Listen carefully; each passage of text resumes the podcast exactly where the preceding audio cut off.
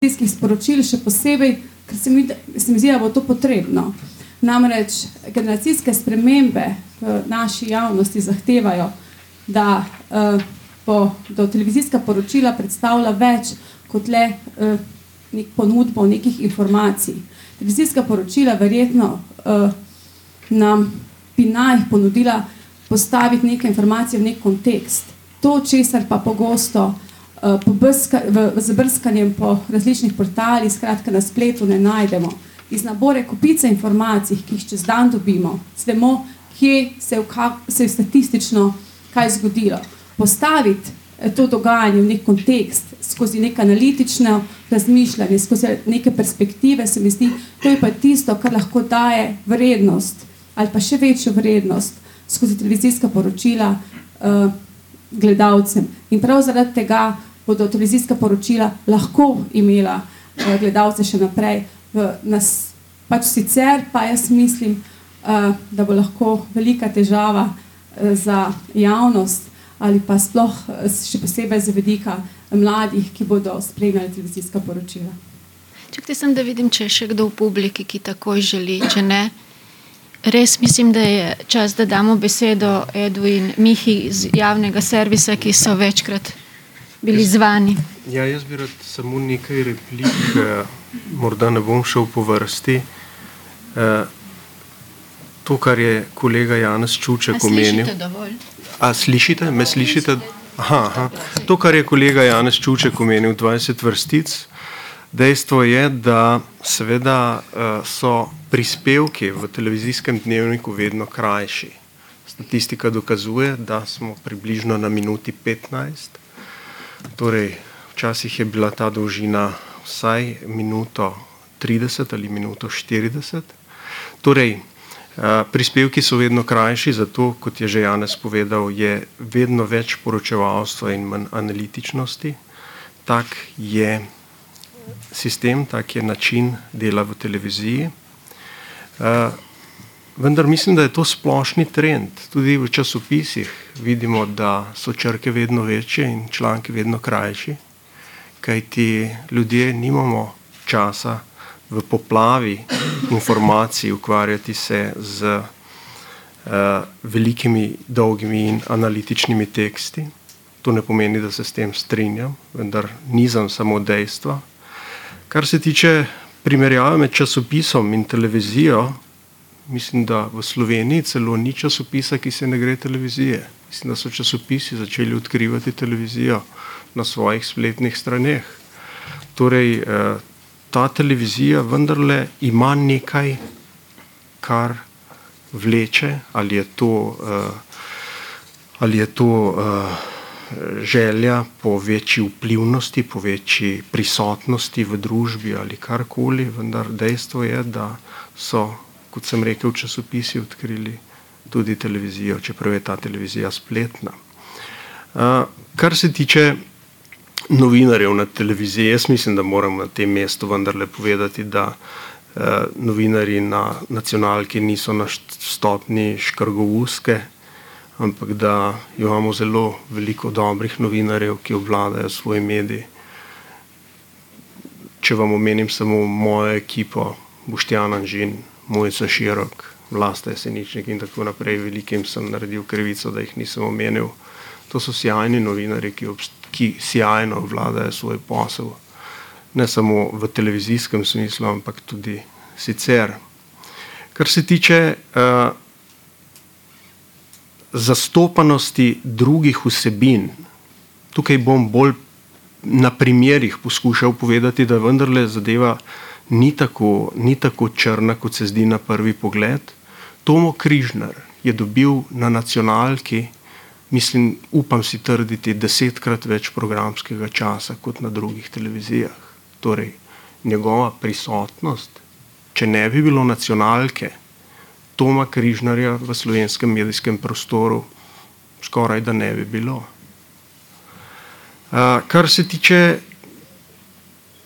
samo, samo, še, samo še ena stvar.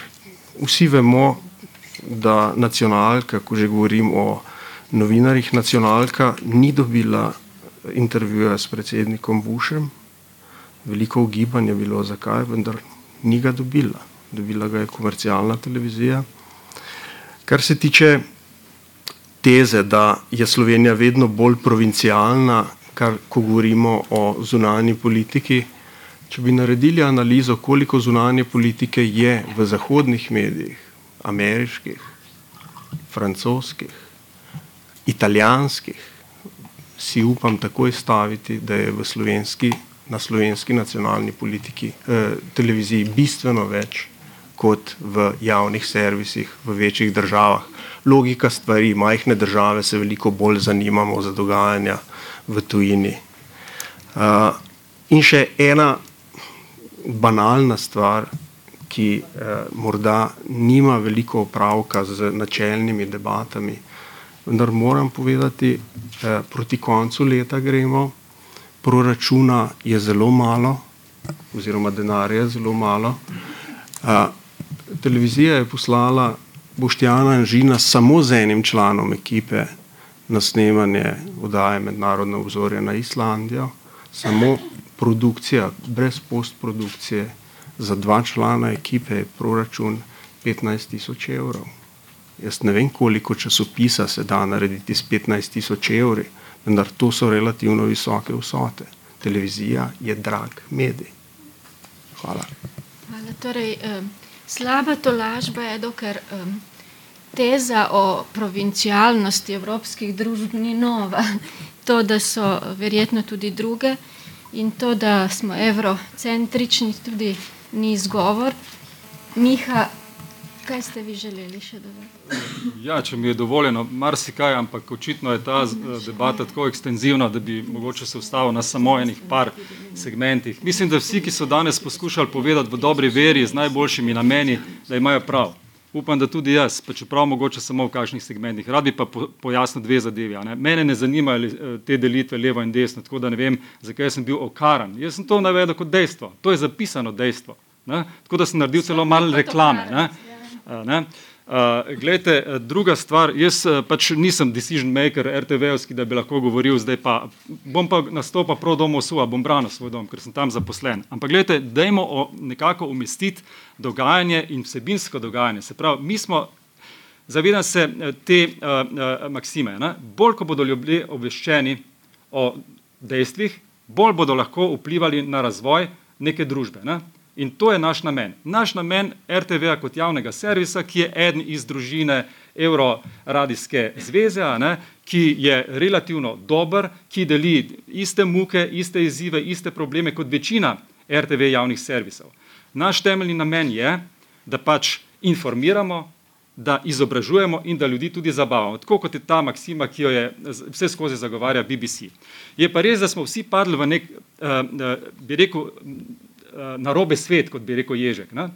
Mi smo eh, padli v nek sistem infotainmenta, ne? kjer se mešajo, bi rekel, informacije in kjer se meša neko razvedrilo. In to je, se pravi, tako kot je to državo oplazla, bom rekel, eh, strukturna sprememba, ne? To, se, to se je posledično odrazilo tudi zahvaljujoč kapitalu in interesom preko oglaševanja, ki je tako pri vas kot pri nas izrazito prisoten, samo da pri vas uh, uh, pravite, da pač vi nimate RTV prispevka, ne? Po drugi strani je pa vsaka stvar vnaprej plačana preko komercializacije oziroma preko marketinških storitev. Ena Coca-Cola se točno ve, koliko se odvede za reklamo, ki se pač pojavi, recimo cena Coca-Cole pri Pop TV-ju. Ampak hočem povedati nekaj drugega. Ta svet je postal, kot jaz temu rečem, profit driving society. In v tem svetu mediji počnejo in tudi RTV Slovenija in vaš cenjeni mediji, da postajamo nekako our news and underinformed. Ne? To je fenomen, ki ga doživljamo vsi v Evropi.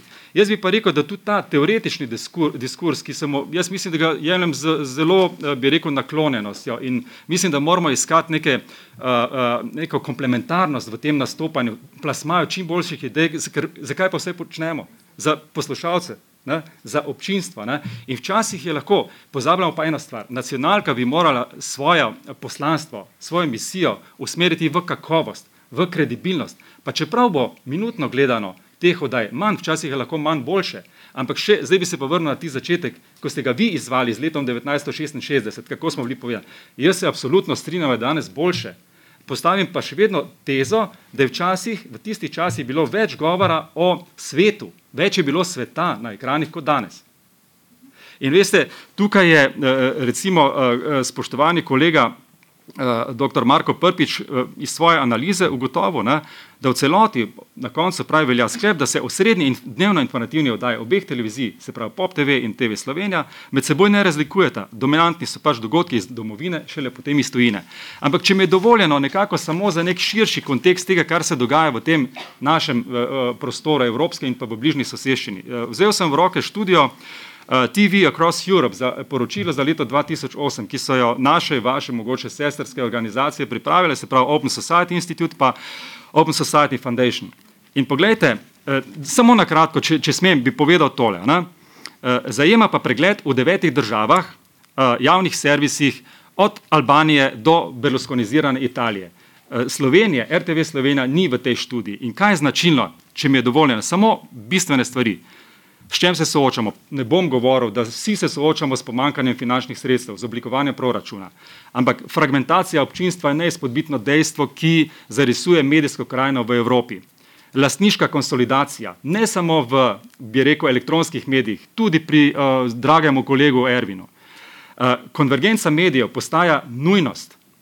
Uh, mediji, mediji so, uh, govorijo z drugačnim jezikom in tisti, ki ne bo upošteval, bi rekel, internetnih storitev, online storitev, tisti lahko zapustito prizorišče.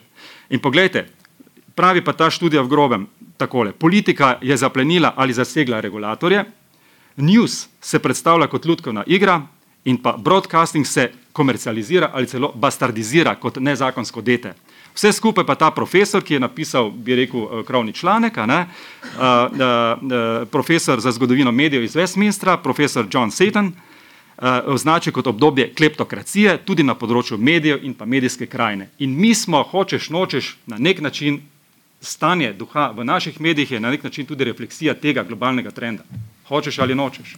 Hvala, Miha. Naj povem, da to poročilo je nastalo v okviru uh, sestrske organizacije Open Society Institute in je dejansko vključeno manj držav, ampak dve leti nazaj ali ja. tri je bila Slovenija ja. vključena in mislim, da je ravno želel uh, nekaj povedati kolega Milosavljevič, ki je takrat za Slovenijo poročal. Uh, delali so pa nadaljevanje le za teh devet držav.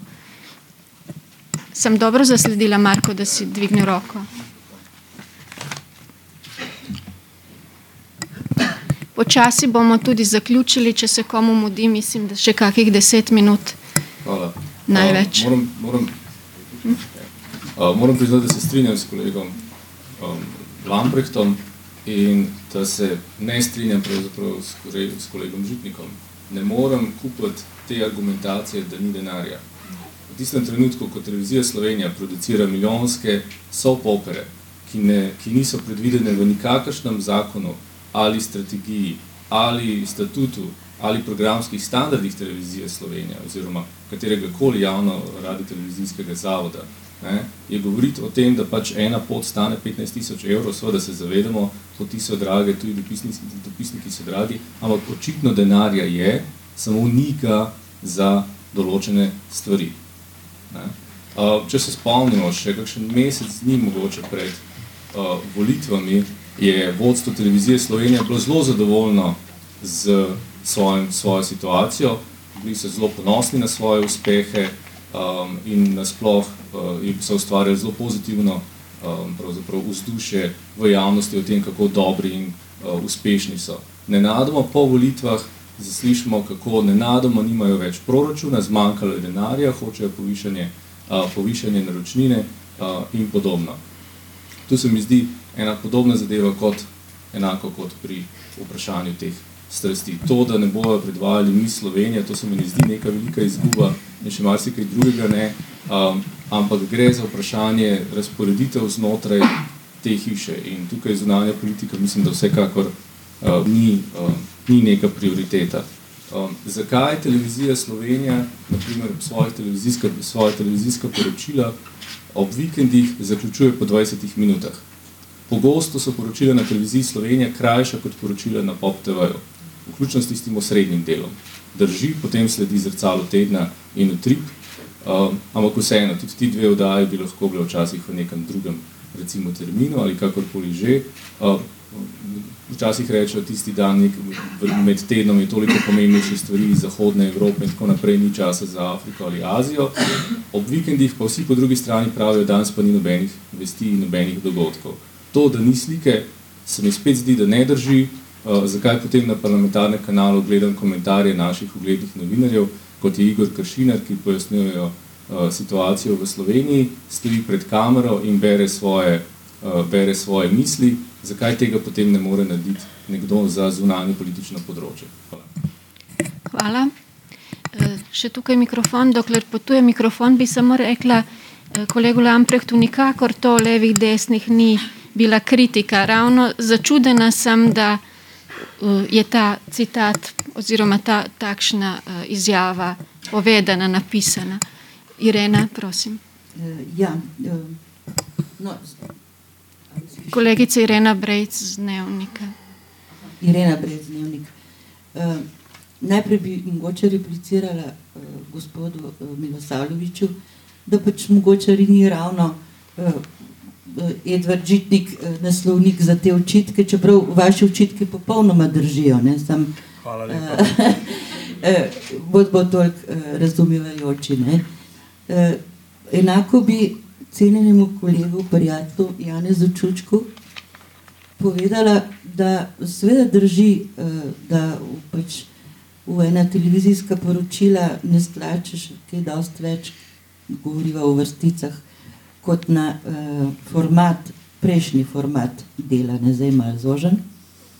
Ampak vseeno, uh, uh, da pač uh, novinar nima niti časa, ne vem, povedati o zadnji in tako naprej. Sam, če je novinar dober, če zna zanimivo povedati, to smo videli že marsikje mar zunaj, se da tudi v minuti dve pritegniti eh, gledalčevo, poslušalčevo pozornost, tudi če ni slike, lahko je kar on na licu mesta, pa v zadju ne vem, kaj poči. Skratka, da se, ne, če, če, če si spreten, če zmoreš, lahko tudi v eni minuti zbudiš pozornost za težavo, za problem, Eh, ki, ki ga recimo novinar sam analitsko zbere in ki ni podaljšek, kot smo zdaj slišali, oligarhičnih agencij, ki nam izbirajo dogodke sveta in jih rolajo po teh izmenjavah, ne vem več, včasih smo imeli dve, tri, še JRT, zdaj tega mogoče malo več. Eh, res smo evropocentrični, zdaj govorim kot tukaj, sem kot, ne vem, eh, gledalka in poslušalka. Recimo, Brankica je lepo sprožila debato, zdaj se dogaja v Kongu vojna, koliko mi o tem vemo, skoraj nič. Jaz moram uh, pogledati film Hotel Ruandi, da raz, razumem, kaj se je sredi 90-ih let dejansko v Ruandi dogajalo. In uh, recimo, ne vem, verjetno so tudi francosko govoreči eh, kolegi na televiziji zaposleni. Jaz gledam TV5, ker oni imajo ogromno informacij iz Afrike. Oni imajo cele samostojne, polurne, imajo fokus Burkina Faso. Skratka, če čem vedeti, kaj se dogaja v Afriki, potem gledam TV5, ne CNN. Hvala. Za zaključek bi morda kolega Milharčič želel uh, In če ne bo drugega, bomo počasi zaključili. Ja, Bergan. Ne, ne, sploh, sploh ne bi zaključil, zdaj je ratalo šele zabavno. Dobro. Jaz bi samo rad to obupano sliko malo korigiral. Uh, zdi se mi tako, zakaj, zakaj pa človek pravzaprav sploh rabi domače novinarstvo? Ne?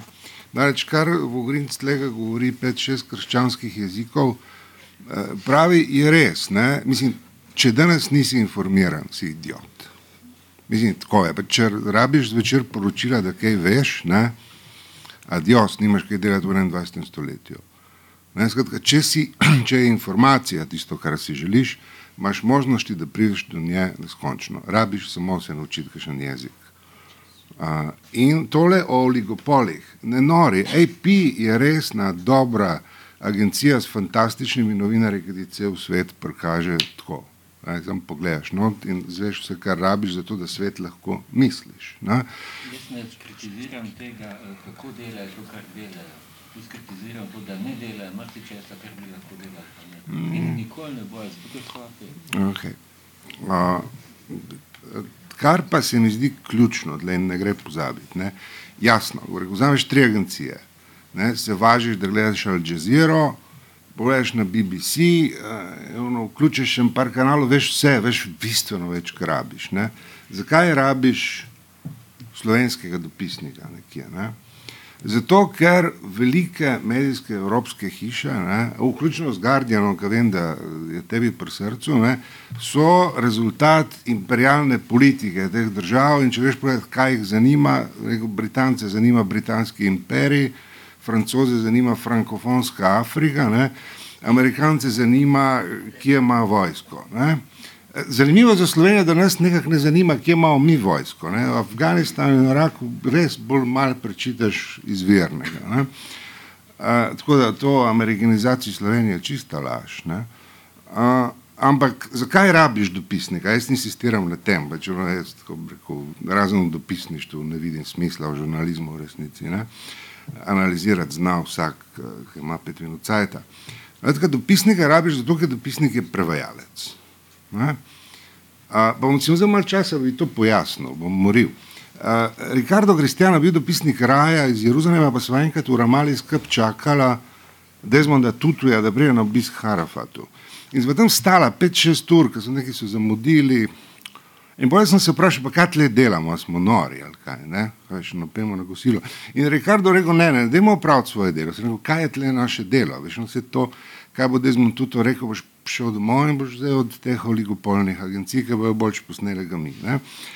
In je rekel, ne, lej, dopisnik tudi, če prepiše telefonski imenik, ne, pove več, kot če isti telefonski imenik v Rimu prepiše nek birokrat, ki sedi v redakciji. Ne.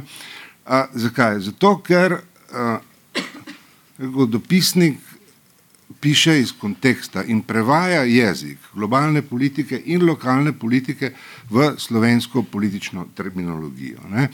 Ključno rekel, delo, ki ga upravlja Mojca Širok, recimo na televiziji, ne, to je ena od petih, šestih novinarjev, ki jim jaz zaupam, je to, da ti prevede italijansko mafijo, o kateri se v glavnem pišejo klamfe, ne, ti prevede v jezik, ki ga lahko razumeš. Skratka, da razumeš razliko med sicilijansko mafijo, napolitansko kamorro in, in, in draghetto. Ne.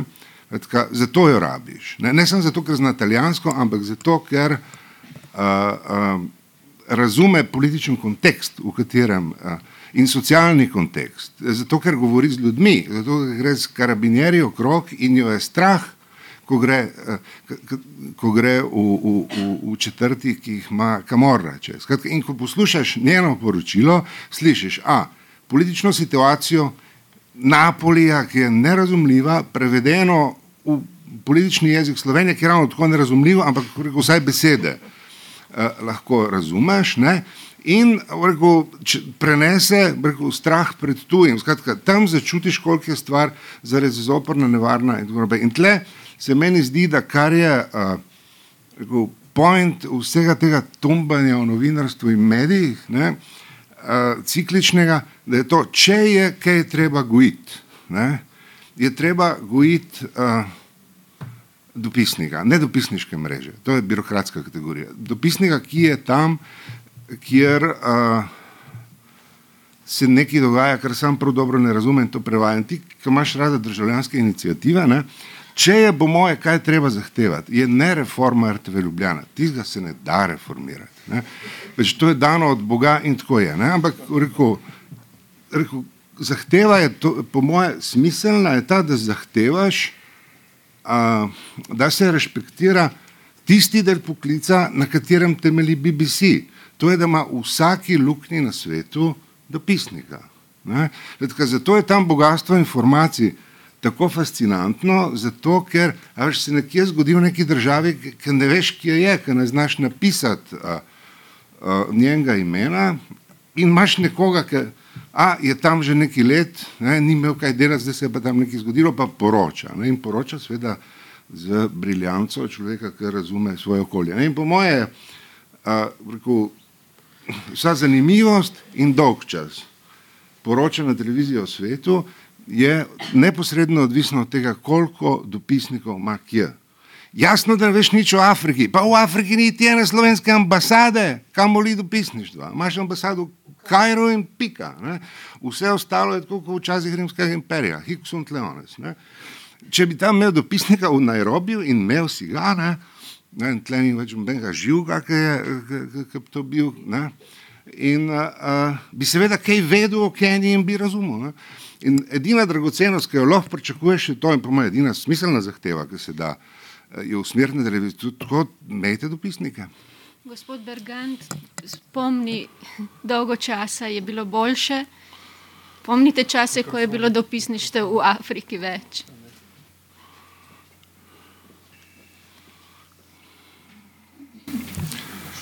Rad se odreševal te razprave. Najprej dovolite, da vam čestitam. Mislim, da je mislim, da je uh, zelo zanimiva razprava in da dejansko je tako, ni črno-bele podobe in vsak, ki je sodeloval, ima nekaj prav.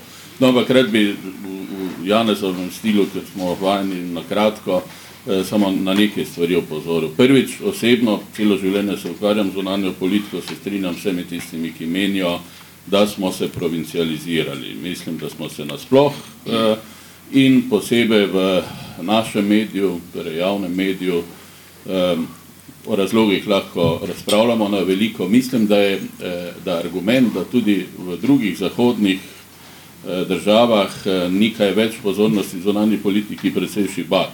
Mi smo majhni in jaz mislim, kot majhni smo zmeri uspevali do zdaj ravno s tem, da smo malo več vedeli o drugih.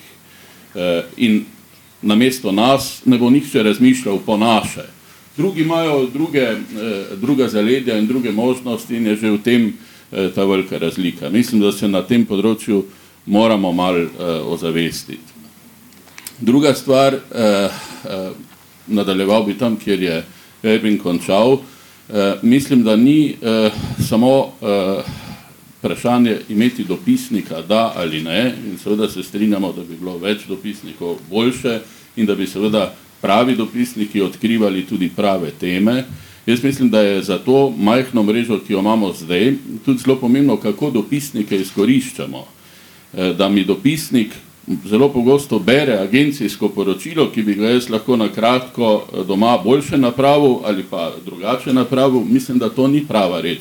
Moj dopisnik naj mi poroča iz tujine o zadevah, ki mene zanimajo in naj komentira z mojega zornega kota. Mislim, da tega eh, ne počnemo dovolj, nimamo zmeraj srečne roke pri odločitvah in mislim, da tukaj bi se že v obstoječem stanju dalo marsikaj popraviti, če bi pač izkoriščali to specifično prednost. Na koncu pa mi dovolite to, eh, za razliko od Janeza, mislim, da se lahko marsikaj v relativno kratkem času spremeni in popravi.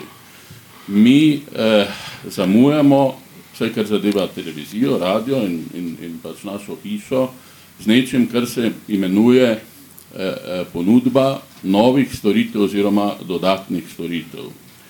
Danes je pač tako, tisti, ki bo hotel na kratko eh, nekaj pogledati, bo ostal na generalističnem kanalu, kjer imaš vse in se bo pač zadovoljil eh, za tisto informativno eh, vsebino, ki jo tam ponujaš.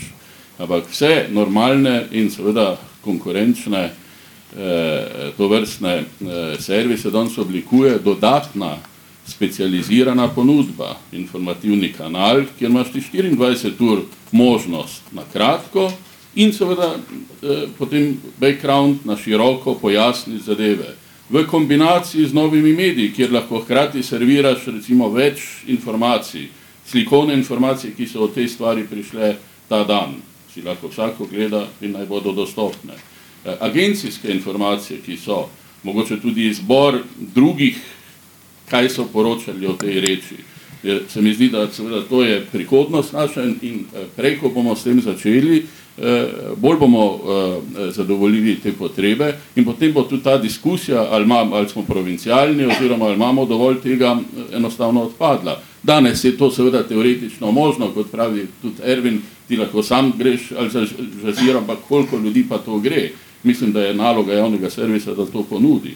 In relativno hitro se to da narediti. In mislim, da moramo pač vsi skupaj ustvariti neko, eh, neko vzdušje tudi nek pritisk, da se to tudi čim prej naredi. In mislim, da je ta okrogla miza ali pa taka eh, srečanja so zelo koristna in potrebna. Hvala. Hvala. S tem bi počasi zaključili. Rada bi se zahvalila vsem, ki ste iz publike prispevali ali samo tako pridno in, in eh, eh, zainteresirano se mi zdi poslušali zlasti pa našim gostom in gosti za omizjem. Zaključila bi s tem, da sem, upam, prvič in zadnjič vodila omizje eh, pobude gledalcev in poslušalcev, ker mislim, da ta javnost, Mirovni inštitut in mene osebno prepozna skozi to delovanje in da se bo po, ta pobuda in organizacija, formalna ali neformalna, glas gledalcev in poslušalcev, s časoma samostojno razvil, nekaj imen, in uh, aktivnih državljank, državljanov, ki so za to interesirani, že imamo in upamo, da bodo naslednjič tudi vodili ali povezovali takšne uh, razgovore, pogovore. Hkrati pa bi si želela, da bi to vrstna organizacija potem bila sogovornik ali tudi pomagala, recimo uredništvom, ki ne morejo znotraj svoje hiše, recimo javne RTV, si priboriti več denarja ali pravih terminov, in boljših odločitev, da bi eh, gledalci, poslušalci imeli več informacij in boljših. Eh, Mirovni inštitut pa seveda ne glede na eh, razvoj te pobude bo še naprej sprožal skozi raziskave, omizja, to vrstne debate. Vseeno pa menim, da je dobro, da poleg nas, društva novinarjev, združenja publicistov, obstaja še nekaj, kje bi dejansko državljanke, državljani, tisti, ki niso novinari, publicisti ali raziskovalci, se še bolj angažirali. Hvala vam za to. Če se že želi kdo pridružiti tej pobudi glas gledalcev in poslušalcev, naj se obrne za začetek name, v Mariboru na Suzano, Ireno, je še kar nekaj kolegic, kolegov, ki začenjajo s tem. Lep večer vam želim, hvala lepa.